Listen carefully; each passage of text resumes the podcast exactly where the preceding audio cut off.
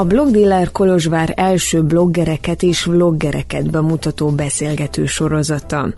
Ezen találkozások célja, hogy a fiatal generációt oly nagy mértékben befolyásoló online társadalmi nyilvánosságot tematizálja. A blogdealer újabban eltér kicsit az eredeti koncepciótól, ezúttal az online tartalmak helyett divattermékeket és azok alkotóit mutatja be.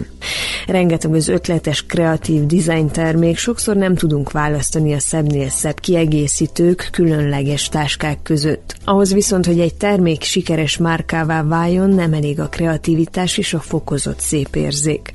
Ennél több kell hozzá, kezdve az üzleti és kommunikációs érzékkel. A Blogdealer Design és Tudatosság című beszélgetése a termékek és alkotók bemutatása mellett erre is összpontosított, hogyan lehet eladni a már kész terméket.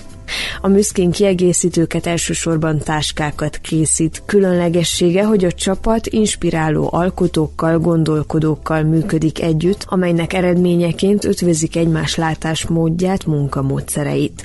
Hogy konkrét példával éljek, képzeljék el, hogy egy elektronikus zenei producer munkája, elképzelései tulajdonképpen megjelennek táskákon. A műszkin lányok például a Zalkai Bálint által megalkotott hangsávokat fordították le anyagokra, erre egy egész kollekciót építettek.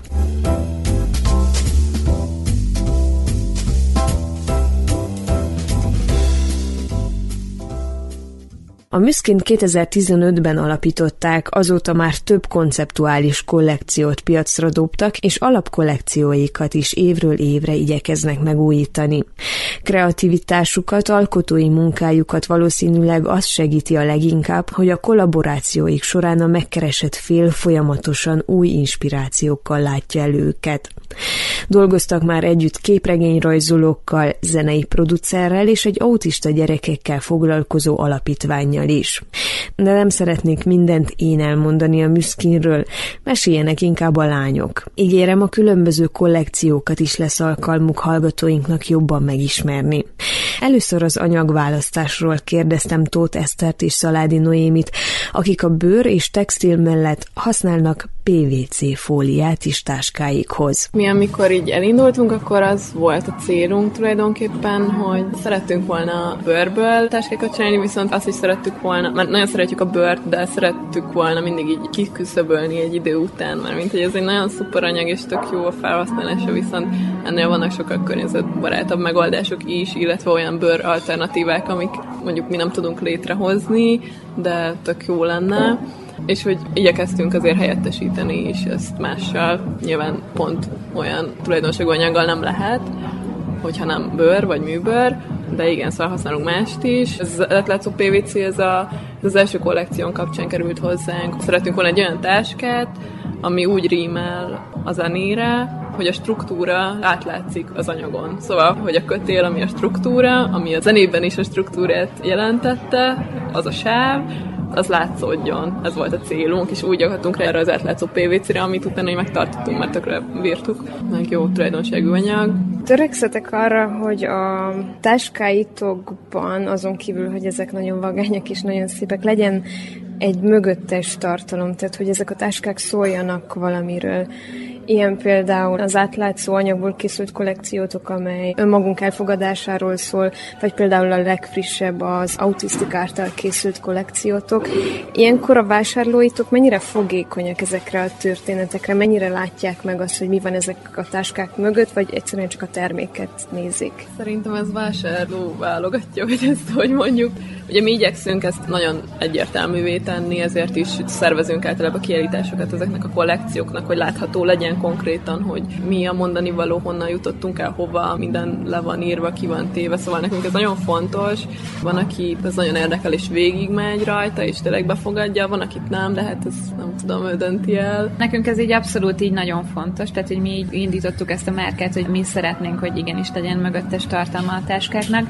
Ugye ez így nehéz volt, mert az első kollekcióban például egy abszolút így nem vittük túlzásba, de valószínűleg így hirtelen, így befogadni túl sok volt Ebből ezt így megtanultuk, hogy jó, oké, akkor ez sok, ezzel így az emberek nem fognak ott így állni, nem tudom, 10 percet is gondolkozni, hanem akkor ez valami kicsit könnyedebb dolog kell, de azért mégis legyen meg ez a tartalom, és akkor ezek így szépen lassan így formálódtak. De én amúgy abszolút azt látom, hogy alapvetően a mi közönségünk különösen szereti az, hogyha ténylegesen van egy mondani valója annak a tárgynak, amit megvásárol. Ezek a történetek a sajátjaitok, vagy azok a társak hozzák be, akikkel együtt dolgoztok?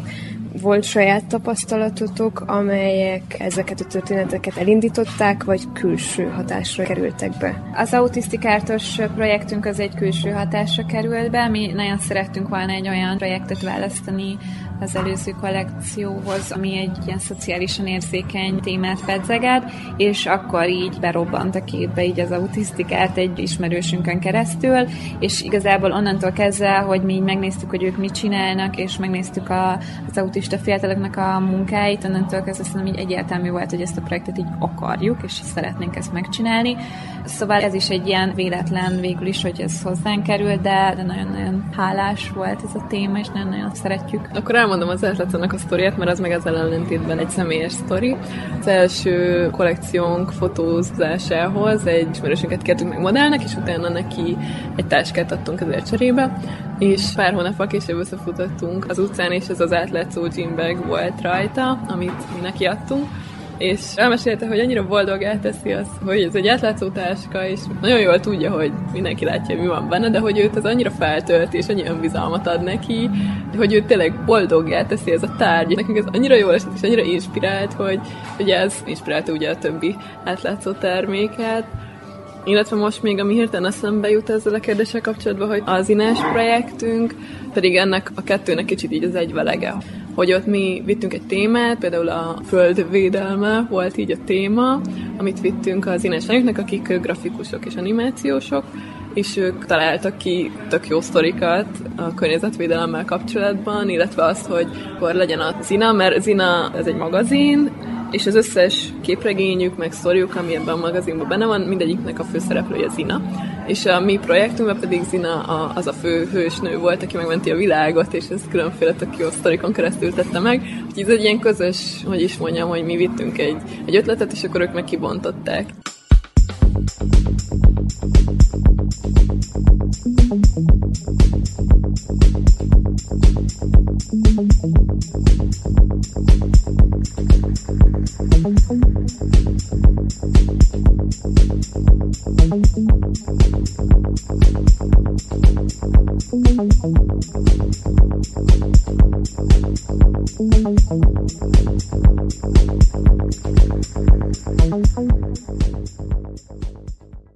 Kollaborációk szintjén én úgy olvastam különböző interjúkban, hogy próbáltok minél a ti szakmátoktól távolabb eső partnereket megtalálni. Mi lenne a legextrémebb, akit így el tudtok képzelni, hogy szeretnétek velük együttműködni? Pont ugye valamilyen tekes emberrel itt szívesen dolgoznék, mert annyira más, hogy gondolkoznak, mint ahogy mi, hogy ez szerintem barom izgalmas. Szóval, hogy én például valami ilyesmit így abszolút el tudok képzelni. Amúgy így egyre jobban próbálunk így a kollekciók során így eltávolodni ettől. Tehát először azért szerettünk volna ilyen befogadható dolgokat csinálni, és ezért most már így próbálunk ebből így kacsingatni, úgyhogy például egy ilyet tök el tudnék képzelni.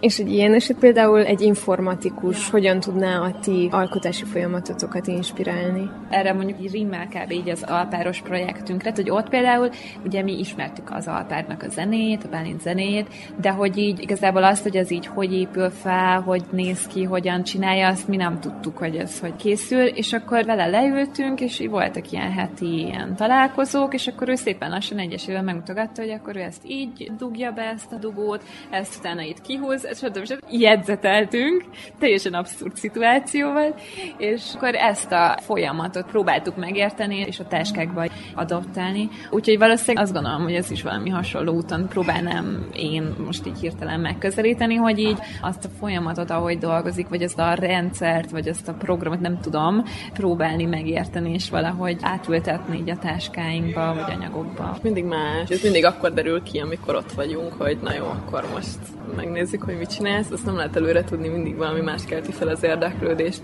Például amikor az autisztikártosat csináltuk, az is így nézett ki, hogy nem szerettünk volna feltétlenül a rajzokból kiindulni, nem szerettük volna, hogy ez egy olyan projekt legyen, hogy jó, akkor fogjuk a rajzokat, és akkor kinyomtatjuk, hanem szerettük volna, hogy legyen valami mögöttes tartalma, és szerettük volna megismerni, hogy ők hogyan dolgoznak. És ott is rengeteget jegyzeteltünk, meg találkoztunk is velük, meg beszélgettünk, akivel tudtunk, és hogy ott meg például az ragadta meg a figyelmünket így nagyon sok minden más mellett, hogy ahogy rajzolnak, hogy nem úgy húzzák a vonalakat, ahogy mondjuk az ember leül, és akkor én most valami csodálatos dolgot szeretnék alkotni, hanem nekik ez nem egy tudatos, vagy nem egy átgondolt dolog, hanem így nagyon ösztönből jön, és ugye pont ezért nagyon terápiás is nekik az az elfoglaltság.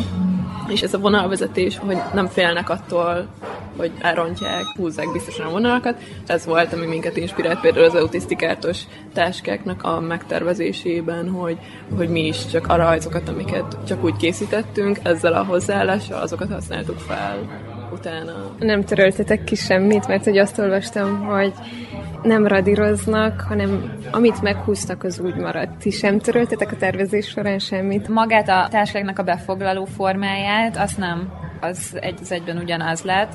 Nyilván az, hogy utána azt meg kellett oldani technológiailag, az egy más kérdés volt. Nyilván ott így össze kellett dugni a fejünket, de amúgy alapvetően maga a forma, az alapforma, az az lett, amit az Eszti rajzolt így elsőre. A kollaborációs munkáik mellett a Műszkinnek két alapkollekciója vásárolható meg. A transzparent alapanyaga, a PVC fólia és a mutasd meg ki vagy, mutasd meg mit van jelmondattal arra buzdítja a sokszor teljesen átlátszó táskák viselőit, hogy bátran merjék merjék felvállalni önmagukat, már csak azáltal is, hogy láttatni engedik mindazt, amit táskájukban hordanak. A másik alapkoncepció a Tiger szintén használ PVC fóliát, itt azonban a kevésbé bevállalósak is találnak kedvükre valót.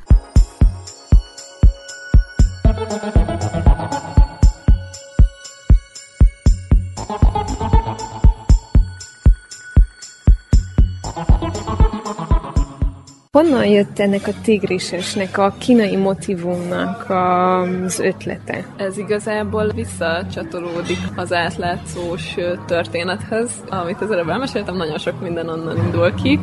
Ugye a transzparent kollekciónak is ez volt a lényege, de a tigrises be is felelhető egy átlátszó tárgy, ugyanígy mutasd meg ki vagy, mutasd meg mit van jelmondattal, és ezt annyiban vittük tovább a tigrises kollekciónál, hogy, hogy a tigris, mint szimbólum, az az erőt és az önbizalmat jelképezi, és ez ível át így ezen a kollekción és ezt még úgy szerettük volna megmutatni ezt a már bevállalni magad, egy sokszínű témát, hogy három fazon van a kollekcióban, és mindegyik nagyon sokféle színben volt elérhető, most is az lesz, csak most így vannak változtatások a tástékban. És hogy igazából ezzel azt szerettük volna, hogy bárki bármilyen tudjon magának találni egy olyat, amiben jól érzi magát, egy olyan színkombinációt, van kedvenc kollekció, ami közelebb áll a szívetekhez, aminek például nehezebben adjátok ki a legyártási folyamatát? Nyilván így a kollaborációs projektjeink, azok közel állnak nagyon a szívünkhöz. Nekem még mindig talán így a legelső kollekció, mert hogy ez annyira ilyen, azt sem tudtuk még mit szeretnénk, meg hogy meg voltak elképzelések, de hogy itt abszolút így ilyen tapogatóztunk. És emiatt nekem az egy ilyen nagyon kedves emlék az, az a kollekció, mindenre mindig ilyen jó érzés visszagondolni. A többire is nyilván, de hogy utána még így, ugye ez egy ilyen tök nehéz helyzet, hogy így végzel egy kollekcióval, és akkor kb. kezdted az újat, vagy hát legalábbis így a kitalálását, Úgyhogy így emiatt utána meg úgy felgyorsultak az események, és így többit azt hiszem talán, hogy így kevésbé tudtam úgy igazán átélni, úgyhogy talán emiatt így ez a, ami legközelebb áll hozzám. Miközben beszéltél, így gondolkoztam, hogy mit mondjak, és így fogalm. Tényleg nem tudom. Én nem, nem tudok választani.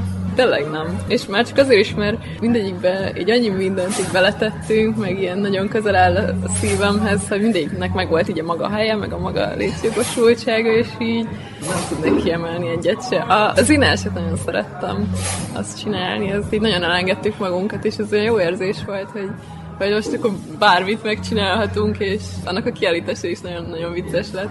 Nagyon durva installációkat raktak össze a lányok, ez nagyon jó volt.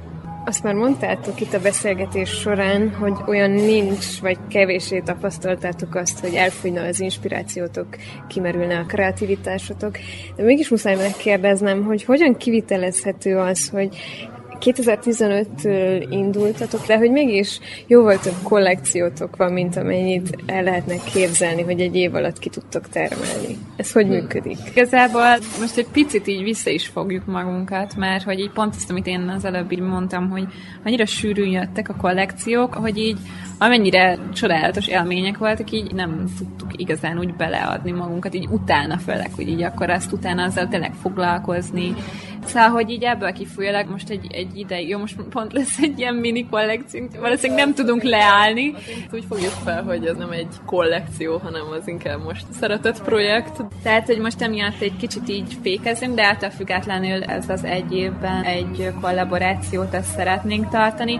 Amiatt jött ki most ennyi kollekciónk, mert szerettük volna, hogyha ez a konceptuális és az alapkollekció az így a párhuzamosan működik, és most ugye ki kellett hoznunk az alapkollekciót is, de ez valószínűleg maradni fog. Tehát maximum ilyen anyagbeni változások lesznek, lehet, hogy néha bejön egy új szín, de ezek hazanak, ezek maradni fognak a jövőben kis változtatásokkal úgyhogy most már azért kicsit kevesebb dolog lesz, de szerintem amúgy így alapvetően az, hogy így ki tudnánk-e hozni több kollekciót, abban így szerintem így abszolút így benne lennénk, mert ezeket így nagyon imádjuk váltalt, és így ez motivál, hogy egy új kollekciót létrehozzunk. Van-e segítségetek, vagy mennyiben van segítségetek a gyártás terén? Például minden táskát ti vartok meg? Nem, most már nem, mert nem lenne rá kapacitásunk egyszerűen. Eleinte ugye így működtünk meg, akkor a Noémivel mindketten gyártottunk, aztán ugye szép lassan átalakult minden, és most már annyi dolgunk van azokon kívül is, hogy nem tudnánk. Vannak típusok, amiket én csinálok, az átlátszókat mindig én szoktam csinálni, az apró erőt is mindig én csinálom, illetve van egy-két olyan fazon, ami az enyém, de amúgy most ráálltunk arra, hogy szeretőbbet legyártunk a népszerűbb darabokból. Most például a karácsonyra így nagyon rákészültünk, hogy a tigrises kollekcióból többet gyártunk, hogy legyen raktáron, illetve hogyha van megrendelés, és még nagyon sok a megrendelés, akkor is van egy emberünk, aki besegít, hogyha meg nem kell, akkor meg én gyártok. A tervezés, a kivitelezés csak az egyik fele a designer szakmának. Ha csak nem áll az alkotók mögött egy értékesítő csapat, a designereknek az eladással, a reklámmal, a vásárlókkal való kapcsolattartással is foglalkozniuk kell. Fel lehet erre készülni. Kisegíti a Műszkin csapatát ebben. Tóth Esztert és Szaládi Noémit kérdeztem. Abszolút nem voltunk erre felkészülve, így visszagondolva egyértelmű. Igazából nekünk szerintem az volt így a mázlink, hogy ilyen iszonyat nagy lelkesedéssel így belevetettük magunkat ebbe az egészbe. Ezen így különösebben sokat nem is gondolkoztunk. Igazából először úgy indult, hogy a harmadik lány, aki közben most egy időre külföldre költözött, ő volt az, aki ezt így menedzselte, szóval igazából nekünk komolyabb rálátásunk nem is volt, akkor kerültem ebbe az egész úgy igazán bele, amikor Zsófi hibált, most így nyár közepén. Most ilyen nagyon nagy erőkkel dolgozunk azon, hogy tényleg egy ilyen profi cégként üzemeljünk, mert eddig, és ez abszolút nem a Zsófinak a hibája, hanem az, hogy tényleg egyszerűen mi ezt nem tanultuk, és ezek ezeket ki kellett tapasztalnunk, ezeken így túl kellett lennünk, túl kellett lendülnünk, és most azt próbáljuk, hogy különböző külső segítségekkel egy ilyen erős, masszív céget építeni a kreatív anyagok mögé. Mert igazából ez az, ami nálunk szerintem nagyon-nagyon hiányzik. Mi ennek nem úgy indultunk neki, hogy volt egy ilyen hatalmas kezdőtőkénk, amiből mondjuk tudunk fizetni marketinges, PR-os, szélszes, bárkit, hanem ugye nulla pénzzel indultunk neki egészen konkrétan, és ugye az első táskákat, amiket csak úgy csináltunk, így ismerősöknek, azokból fizettük ki a legelső kollekciónkat, és most fogunk csak önálló helyre költözni, szóval, hogy eddig lakásomban dolgoztunk, szóval, hogy nagyon low módon oldottuk meg. meg a Noéminek a gyerekkori szobájában, szóval, hogy így eléggé durva, hogy amúgy így összehoztuk ezt most így visszagondolva. Úgyhogy igen, én is azt hiszem, hogy most jutottunk el igazából valameddig, és hogy most már sokkal profibban tudunk működni, mint eddig. Viszont amivel meg nagyon nagy szerencsénk van, ez is ugye a tőke hiányt, hogy is mondjam, pótolja, hogy nagyon sok olyan ember van a környezetünkben, akik viszont ezt a tudást ezekkel rendelkeznek, akár pénzügy, akár marketing, akár a honlapunkat is egy barátunk csinálta, szóval, hogy nagyon sokan vesznek körül, akik is segítenek nekünk, és valamiért mindenki nagyon lelkes körülöttünk, és így annyira hálásak vagyunk nekik ezért, mert tényleg ez hihetetlen. Reméljük, hogy a jövőben meg majd lesz annyi pénz mondjuk, hogy be is fektethessünk ilyen dolgokban, ami már tényleg egy komoly PR vagy marketing. Mi volt a legnagyobb tanulság, amit az elmúlt időszakban akár a művészeti oldaláról tanultatok, akár az üzleti oldaláról. Az üzleti része az abszolút az, hogy számolnunk kell, mert ugye amúgy ezek azért tanulható dolgok, csak ezeket meg is kell csinálni. Tehát ez például egy hatalmas tanulság, ami azt hiszem, hogy így a jövőben így reméljük kifizetődő lesz.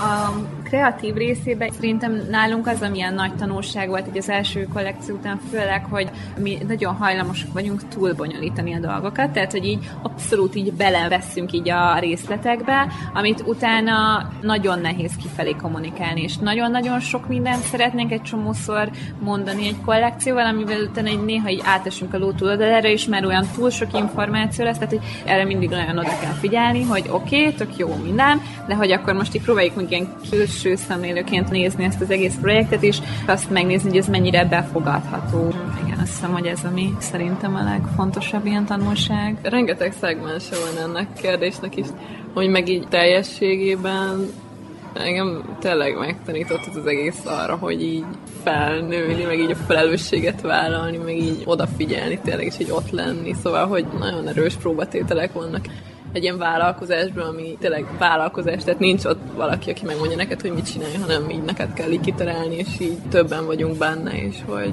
így odafigyelni. Nehéz, nagyon, de, de tök jó.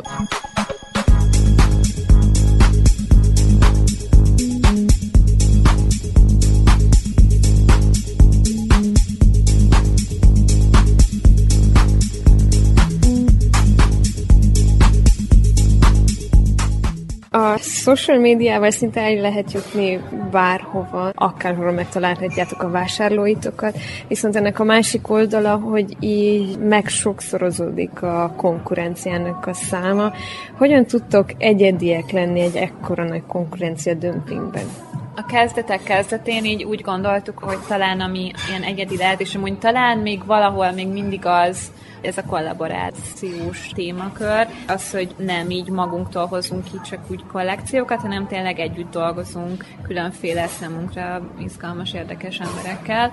Ez például lehet egyfelől egy ilyen egyedisége így a márkának, de sose gondolkoztam azon, hogy egy olyan dolgot hozzunk létre, amit még senki más nem hozott létre, mert szerintem ez így lehetetlen. Tehát, hogy így simán soha nem látott képeket találunk így az interneten, ami így paromira hasonlít a mi táskánkra, és akkor így állunk, hogy hát jó, oké, hát ez akkor így másnak is eszébe jutott rendben, pedig így nem láttuk, mielőtt mi te megterveztük. Ebből kifőleg tényleg így én nem vágyom azt, hogy egy ilyen nagyon-nagyon egyedi dolgot létrehozzak, mi próbálunk így a saját közegünkben egyediek lenni, és valami újat mutatni, és igazából szerintem így ennyi a célunk ezzel. Az a lényeg egyébként ebben, hogy ne akarjunk valamilyennek tűnni, hanem azt csináljuk, amit mi gondolunk, ami nekünk tetszik, jó, remélhetőleg másnak is tetszik, de hogy ez a minimum, és hogy tényleg ne ez legyen a fő cél, hogy akkor most megváltam a világot, hanem hogy inkább kicsibe próbálunk valamit behozni az emberek életébe, ami lehet, hogy elindít bennük valamit, vagy ad nekik valamit, vagy mond nekik valamit, szerintem már ez tök nagy dolog. Hogyha ideig eljutottunk valaha, én már akkor boldog vagyok, és azt szeretnénk a jövőben is szerintem. A Müszkin név a budapesti Küsz Mich formáció nevéből született. A Müszkin alkotói először találkoztak a csapattal egy buli erejéig, másnap viszont nem igazán emlékeztek a névre, a találgatásból született a Müszkin. A Tóth Eszterrel és Szaládi Noémivel folytatott beszélgetésünk elején megkérdeztem őket, hogy akkor ezt hogy is kell ejteni. Müszkin, müskin, muskin, egyöntetűen válaszolták, ahogy szeretném. És úgy érzem, nem csak azért van ez így, mivel nekik is gondot okozott a Küszmich kimondása, hanem azért is, mert a Müszkin kollekciókban mindenki megtalálja a saját variációját egy-egy táskára, kollekcióra. A budapesti székhelyű Müszkin alkotó műhely tervezőivel ismerkedtünk meg. Tóth Eszterrel és Szaládi Noémivel a Blog Dealer egyik beszélgetésén találkoztunk. Én már a búcsúzom önöktől, Kristálybe vagyok, viszont hallásra.